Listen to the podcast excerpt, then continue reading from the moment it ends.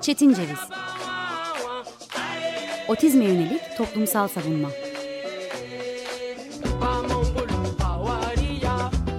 Hazırlayan ve sunan Deniz Yazgan. Zorlu Holding Sürdürülebilirlik Platformu Akıllı Hayat 2030, herkes için daha yaşanabilir bir dünya diler. Merhabalar, 95.0 Açık Radyo'ya uzaklardan bağlanmaya devam ediyoruz.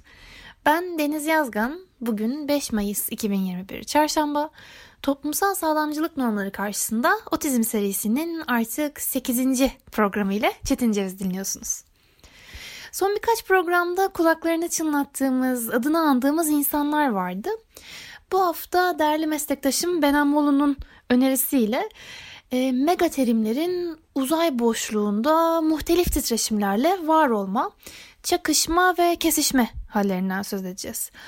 O yüzden bu haftanın konusu muhteliflerin kesişim noktası. Bu haftanın konusu kısa ve genel olarak aslında bu başlıktan öte nöroçeşitlilik ve cinsiyet. Toplumsal sağlamcılık normlarına elbette ve elbette toplumsal cinsiyet de dahil. Ee, yani daha doğrusu toplumsal sağlamcılık ve toplumsal cinsiyet birbirlerini fethetme hırsıyla yanıp tutuşan, yakıp yıkan, savaşan iki kavram. Çünkü ikisi de birbirine hükmetmek, birbirinden üstün olmak istiyor. Bu toplumsal sağlamcılık ve toplumsal cinsiyeti kümeleştirdiğimizde kalan toplumsallık ee, ve bu toplumsallık da tek doğruya, tek yönelime ama insanın iki ayrıklığına bu denli kutsiyet atfederken nöroçeşitlilik ve cinsiyeti nasıl okumak, seslendirmek gerekir sorusuna kaynaklardan, sözlüklerden ve rehberlerden bir cevap bulmak gerekiyor. Çünkü queer teoriyi, cinsiyet çalışmalarını okurken okuduğumu anlamak için ayrıksı ve detaylı sözlüklere ihtiyacım olduğunu fark ediyorum. Belli bazı kavramların hayatımda benimsediğim kavramlarla e, açılıp bakılmadan yorumlanması e, benim de sağlamcı e, ve e, toplumun öğretileri gereği cinsiyetçi özelliklerimi öne çıkarabilir çünkü her insanın olduğu gibi. Bunlarla belki de e, mücadelenin en önemli e, yöntemlerinden bir tanesi de başucu kitapları en azından konuları e, kapsamında başucu kitapları bulundurmak.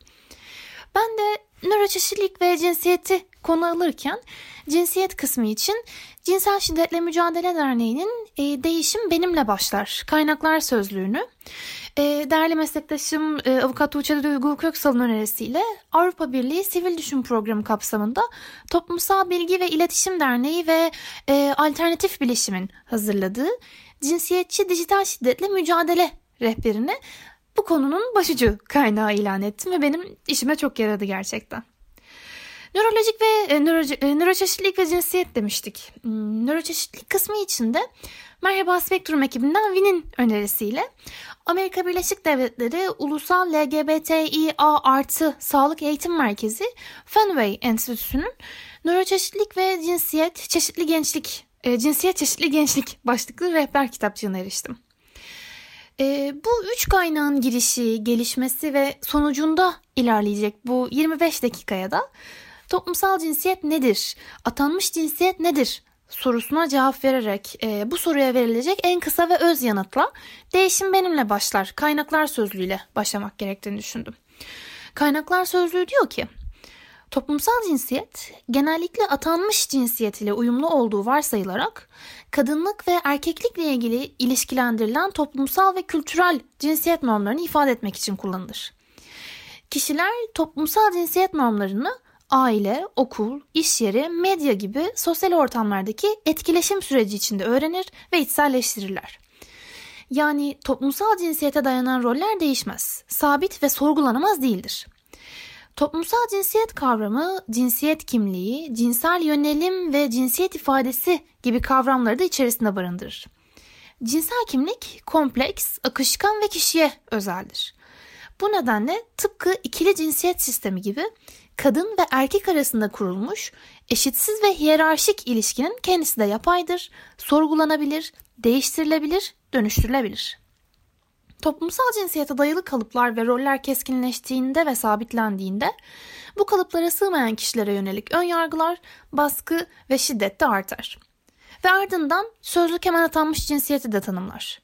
Der ki, atanmış cinsiyet dış genital özelliklerden yola çıkarak gebelik ya da doğum sonrasında bebeğe atanan cinsiyet etiketidir. Kimi ülkelerde, kültürlerde genişlemekle birlikte çoğunlukla ikili cinsiyet kız ve oğlan, kadın ve erkek ile sınırlıdır. Sıklıkla biyolojik cinsiyet ya da bedensel cinsiyet ifadeleri kullanılsa da kişinin cinsiyet kimliği beyanı olmaksızın tıp tarafından atandığı için atanmış cinsiyet kavramını kullanmak daha doğrudur. Bu noktada aslına bakarsak girişi, gelişmesi ve sonucu diye bahsettiğimiz e, kavramlardan ya da sözlüğün anlatımından programımızın özetini de çıkarmak mümkün. Yani toplumsal cinsiyet tanımının ikinci paragrafına baktığımızda otistik kişilerin de toplumsal cinsiyet normlarını aile, okul, iş yeri, medya gibi sosyal ortamlardaki etkileşim süreci içinde öğrenip öğrenmediğini, içselleştirip içselleştirmediklerini, yani toplumsal cinsiyete dayanan rollerin sabit olduğuna yönelik e, fikir birliğini ve fikir ayrılığını, toplumsal cinsiyet kavramının otistik bireyi ne kadar yıprattığı ya da ne kadar güçlendirdiği böyle bir şey mümkünse eğer e, bahsetmek için çok önemli cümleler olduğunu düşünüyorum bu belirtinin. Çünkü tıpkı atanmış cinsiyeti artık biyolojik cinsiyet olarak algılamamak ya da anmamak gibi otizmli, otistik bireyi otizmli olarak anmamanın da yolu bu kavramlar arasındaki değişimden geçiyor ve Cinsel Şiddetle Mücadele Derneği'nin tam olarak e, söylediği gibi değişim benimle, benim dilimle başlıyor.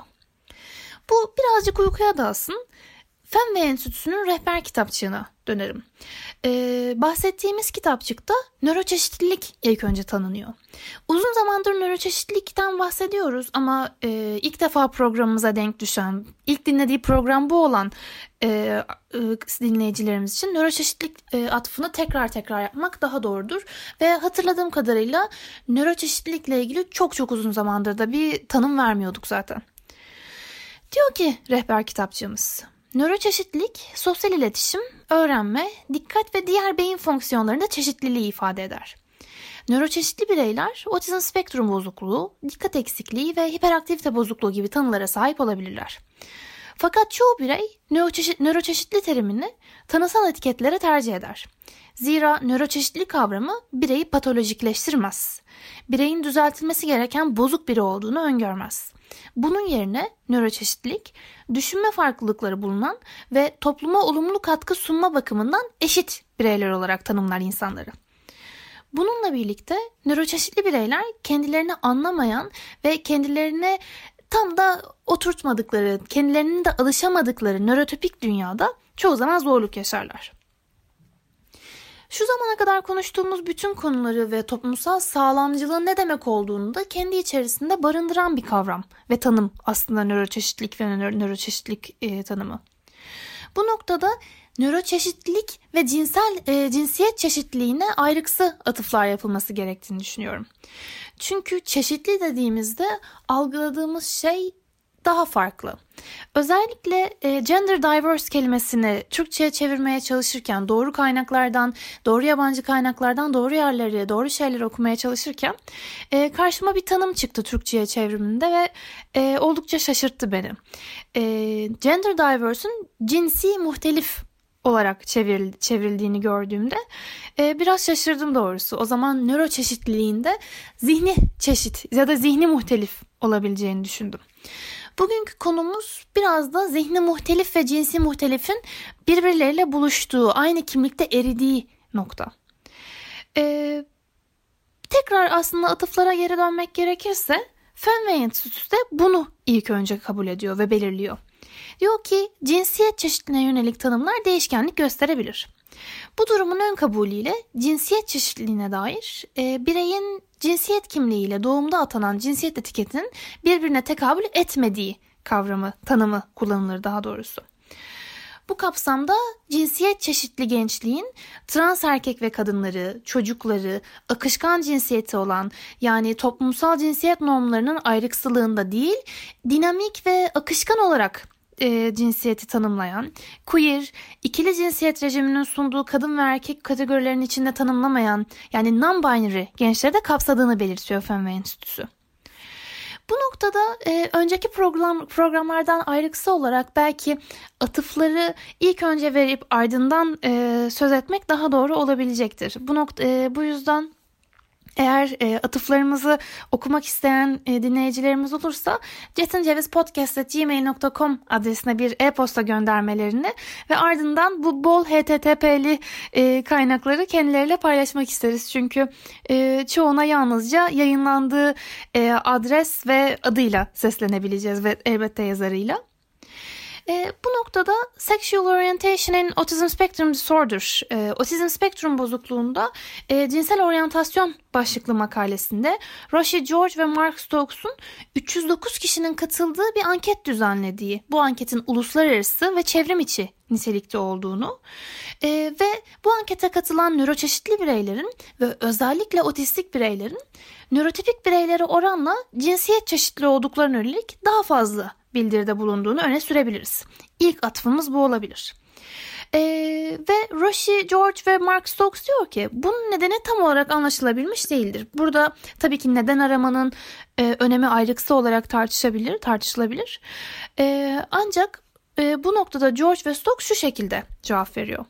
Bir olasılık nöroçeşitli bireylerin toplum baskısı ve toplumsal cinsiyet normlarının daha az farkında olmaları ve cinsiyet kimliklerini ve oryantasyonlarını toplumun öngördüğü rollere uyumlanma veya baskı görme çekincesi olmadan ifade etmelerinin bu yoğunluğa sebep olduğunu söylüyor. Ama hemen ardından ekliyor. Bu durum bir kısım cinsiyet çeşitli otistik gençliğin tecrübesi olabilmişken daha kalabalık bir kısımda gördükleri ayrımcılığın trans birey olarak açılma sürecine dair korku yarattığını ifade ediyor. E, kimi klinisyen ve araştırmacı otistik gençliğe dair cinsiyet çeşitliliğinin bir heves, bir faz olduğunu belirtmiş. E, bu kanı birçok otistik birey ve ailesini korkunç derecede yanlış yönlendirmiş ve acılı süreçlere neden olmuşken e, cinsiyet çeşitliliğinin otizmin bir semptomu olarak algılanmasına kapı açmışken e, ne kadar yanlış olduğunun daha fazla altını çizmek gerekmez diye düşünüyorum. Çünkü nitel araştırmalar ve artık e, öz deneyimle otistik bireylerin ve genel olarak da nöroçeşitli bireylerin deneyimleriyle birikmiş e, klinik e, olgular ve e, daha doğrusu klinik birikimde tam tersini söyler durumda. Çünkü bu yaklaşım en başta cinsiyet disforisine yani kişinin atanmış cinsiyetiyle uyumlu olmamanın e, e, yarattığı strese, toplumsal baskıdan dolayı e, oluşan strese ve kaygıya neden olduğu konusunda e, atıflarımız oldukça yoğun ve mevcut. Bir diğer çalışmada e, otizm ve cinsiyet olarak e, kısaltabileceğimiz çalışmada da John F. Strang ve e, arkadaşları e, bir başka çalışmada e, Gender Dysphoria and Autism Spectrum Disorder yani cinsiyet disforisi ve e, otizm spektrum bozukluğu adlı çalışmada Derek, Derek Gillidan ve arkadaşları da e, aynı e, şeyi söylüyor bize. Aynı yollarla, aynı e, şekilde öz deneyim odaklı anketlerin sonucunda aynı sonuca varıyorlar. Yani bu yalnızca otistik bireyin toplumun e, istediklerini tırnak içinde anlamamasından kaynaklanan bir e, yoğunluk değil. Bu noktada e, kendisini e, bir stresin, bir zorluğun varlığıyla yüzleştiren ve bu nedenle büyük acılar ve ezalar çeken otistik bireylerin de var olduğu artık bu e, araştırmalar kapsamında ortaya çıkmış durumda. Bu noktada e, Fenway Enstitüsü'ne belki geri dönmek gerekir, kitapçığımıza geri dönmek gerekir. Toplumsal cinsiyet ve sağlamcılık normlarıyla yoğrulan e, bir insanca, ebeveynce, arkadaşça kabul edilmeyeceğinden korkan, bu korkuyla yaşayan e, bir insanın kaderi bu olamaz. Yani bu şekilde yaşamak hiç kimsenin kaderi olamayacağı gibi otistik LGBTİ artı bireyin de kaderi olmamalı. E, Fenway Enstitüsü bahsettiğimiz gibi yaklaşıma dair bir patika öngörüyor, bir yol haritası hazırlıyor. Ee, burada patient kelimesi, hasta kelimesi kullanılmış bir sağlık merkezi olduğu için ama bunu özellikle danışan-danışman ilişkisi kapsamında öngördüğümüz için hasta kavramında da bir sakınca olmamakla birlikte danışan olarak çevirmeyi e, daha doğru buldum ve bu şekilde aktarmayı öngörüyorum. Fenway Enstitüsü'nün patikası diyor ki, danışanın perspektifine ve deneyimlerine aktarış biçimine açık olun. Danışanın deneyimini geçersiz kılmak için araştırma bulgularını öne sürmekten kaçının. Geçersiz kılmaya yönelik yaklaşımlardan örnek vermek gerekirse, duyduğuma göre cinsiyetin hakkında sorularım varmış. Ama senin otizmin de var. Bu özel bir ilgi alanın olduğu için cinsiyet çeşitli olduğunu düşünüyor olabilirsin. Söyleme çok iyi bir örneği oluşturabilir diyor Fenway Enstitüsü.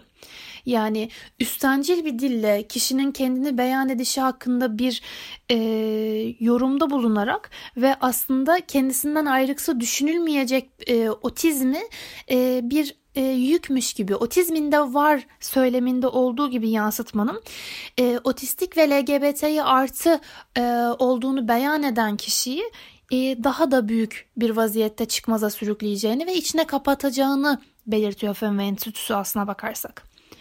Olumlu yaklaşım içinse şu örneği veriyor. Cinsiyetin hakkında soruların olduğunu duyuyorum.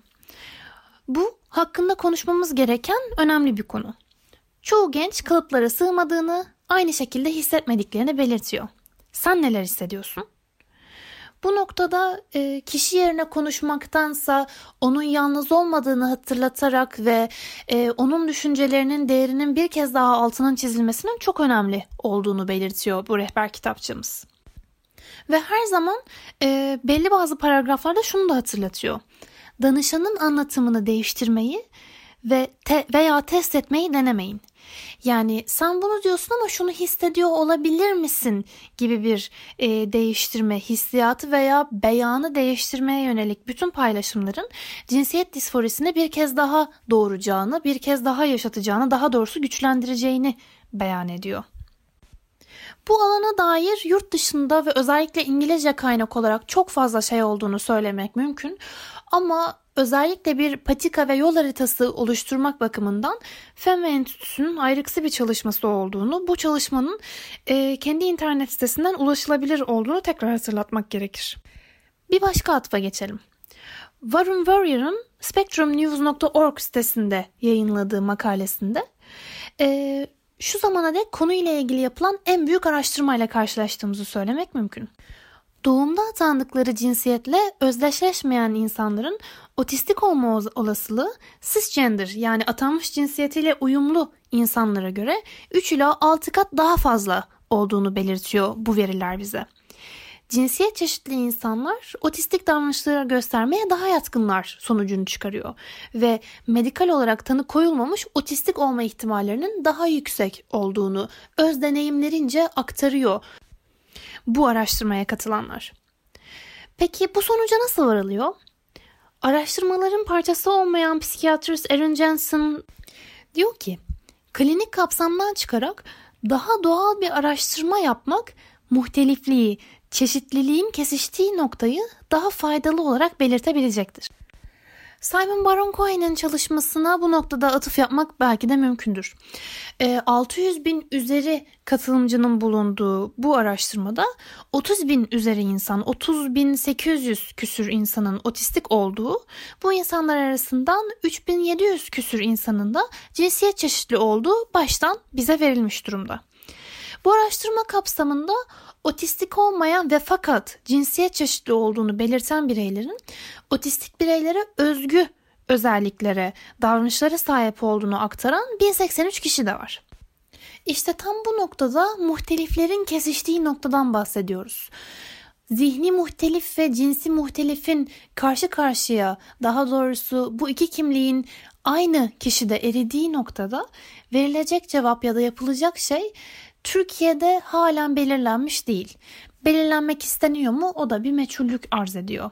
Ama bu noktada araştırmaya dahil olmayan bir başka klinisyenin e, uluslararası bazda ve her insan için de geçerli olabilecek cevapları var. Klinisyenimiz Jerome De Winter diyor ki, eğitimcilerin otistik bireylerle cinsiyet kimliğinin de konuşmaları gerekiyor.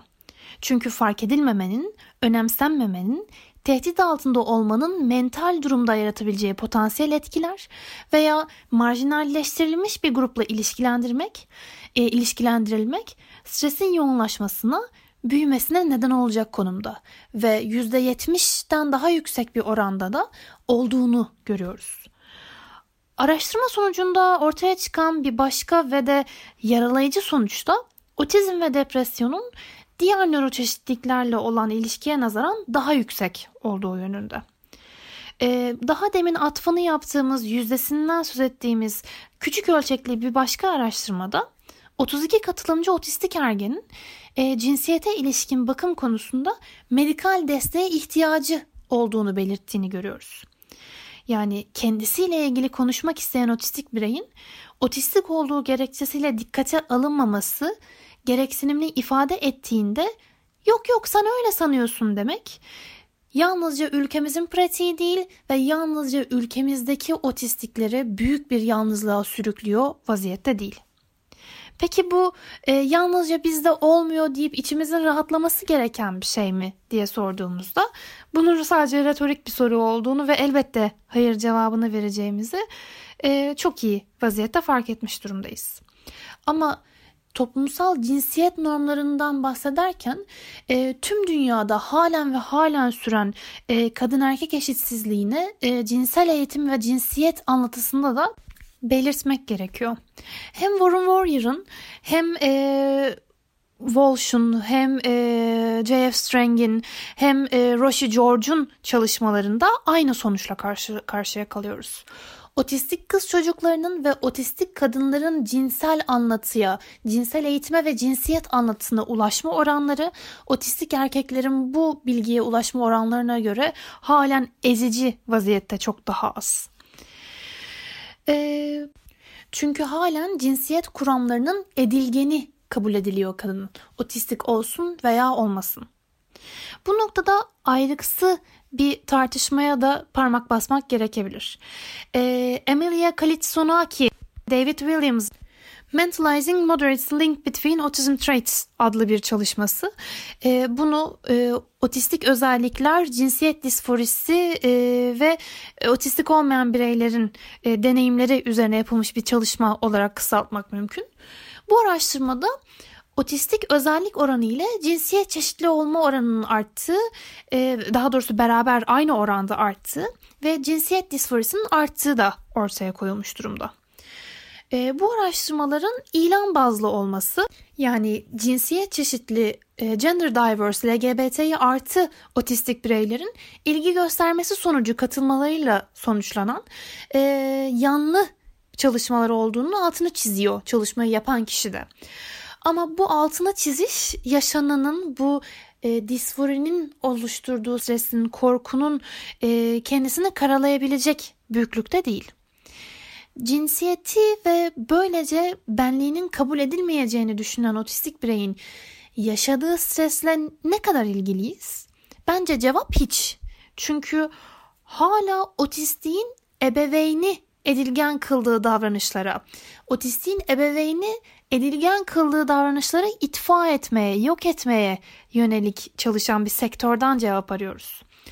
Otistin iç dünyasında ne yaşadığına olan ilgimiz ama bilemeyiz ki gibi kısa bir cevapla sıfıra indirilmiş durumda. Tahminlerimiz oldukça sığ ve oldukça sağlamcı gözler ardından yapılıyor. Otistin içiyle olan ilgimizin yokluğu ile dışa yansıyan bu tasdik etme hırsımızı yani otistik bireyin dışa vurduğu davranışları yok etmeye yönelik hırsımızın yoğunluğu arasında büyük bir dengesizlik var ve bu dengesizlik öyle bir dengesizlik ki otistik bireylere siz yeteri kadar otistik değilsiniz demeye kadar vardırabiliyor bizlere. Cinsiyet farklılıkları ve otizm araştırmasına bu konuda belki atıf yapmak gerekebilir diye düşünüyorum. Meng Chuan Lai ve arkadaşları oldukça açıklayıcı bir diyagramla otizmin sınıflandırılması ile otizm ve cinsiyet araştırmaları kapsamında sorulması gereken soruları çok doğru bir vaziyette belirlemiş diyebiliriz. Çünkü bazı sorulara cevap aramayışımızın altında çok uzun süre önce otizm hakkında doğru soruların sorulmaması yatıyor. Meng Chuan Lai ve arkadaşları birinci aşamada otizm nasıl tanımlanmalı ve kadın ve erkek olarak atanmış kişiler için nasıl teşhis konulmalı sorusunu belirliyor. İkinci aşamada cinsiyetten bağımsız ve cinsiyete dayalı özellikleri belirlemek için erkek ve kadın atanmış otistik bireylerin ortak ve ayrıksı özellikleri nelerdir sorusu geliyor. Üçüncü aşamada ise karşımıza neden bilim, etiyoloji çıkıyor. Otizmi geliştirme sorumluluğu olarak adlandırılan şey cinsiyetle ne kadar ve nasıl bağlantılı? Ve son ve dördüncü aşama. Otizmin hangi gelişimsel mekanizmaları cinsiyete ve cinsiyetler arası farklılaşma ile ilişkilendirilebilir? Bu dört soruya yönelik cevaplar şu zamana kadar yalnızca erkekler üzerinden yapılan çalışmalarda, yalnızca sağlamcı bakış açılarıyla yapmış yapılmış çalışmalarda ve veya otistik bireyin çok ama çok uzaktan fikre sorulmaksızın, fikri değerlendirilmeksizin yapılmış gözlem çalışmalarında verilmiş. Ve bizi bu birbirini fethetmeye çok meraklı toplumsal sağlamcılık ve toplumsal cinsiyetçilik normlarına hapsetmiş durumda. Bu hapsolma belli bazı yazarlar tarafından musallat olma, hortlama olarak da daha doğrusu kavramın tekrar hortlaması olarak da tanımlanmış durumda. Joyce Davidson ve Sophie Thomas'ın Otizm ve Cinsiyetin Hayaleti başlıklı makalesinde farklı cinsiyetlerden otistik bireylerin duygusal deneyimleri çevrim içi anketlerle, blog paylaşımlarıyla ve otobiyografik kitaplardaki alıntılarla aktarılmış. Bu materyallerin analizi otistik bireylerin cinsiyete yönelik atipik deneyimlerinin ve dışa durumlar, dışa vurumlarının yoğun olduğunu ortaya çıkarmış.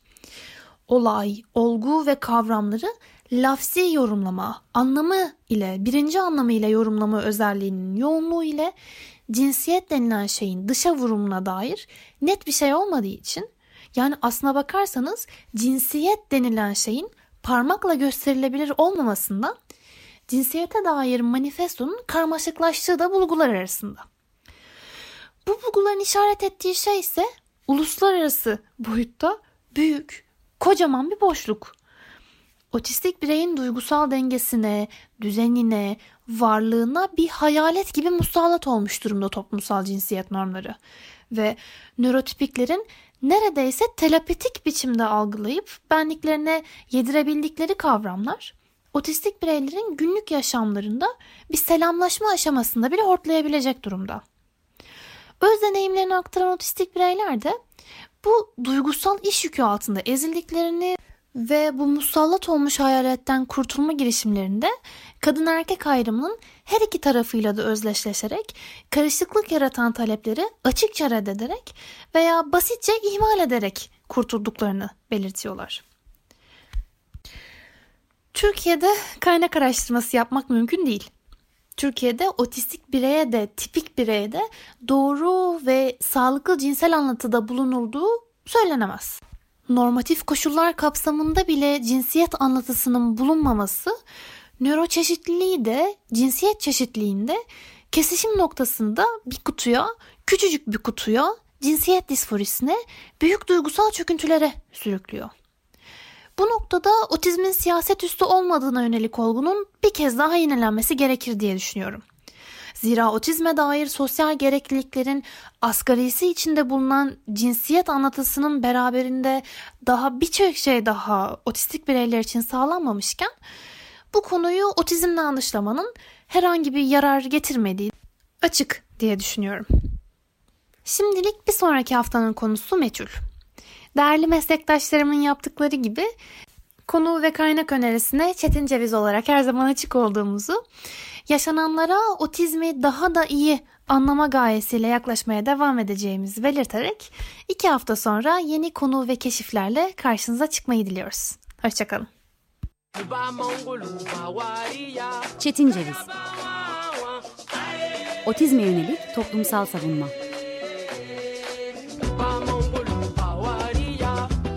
Hazırlayan ve sunan Deniz Yazgan. Zorlu Holding Sürdürülebilirlik Platformu Akıllı Hayat 2030 sundu.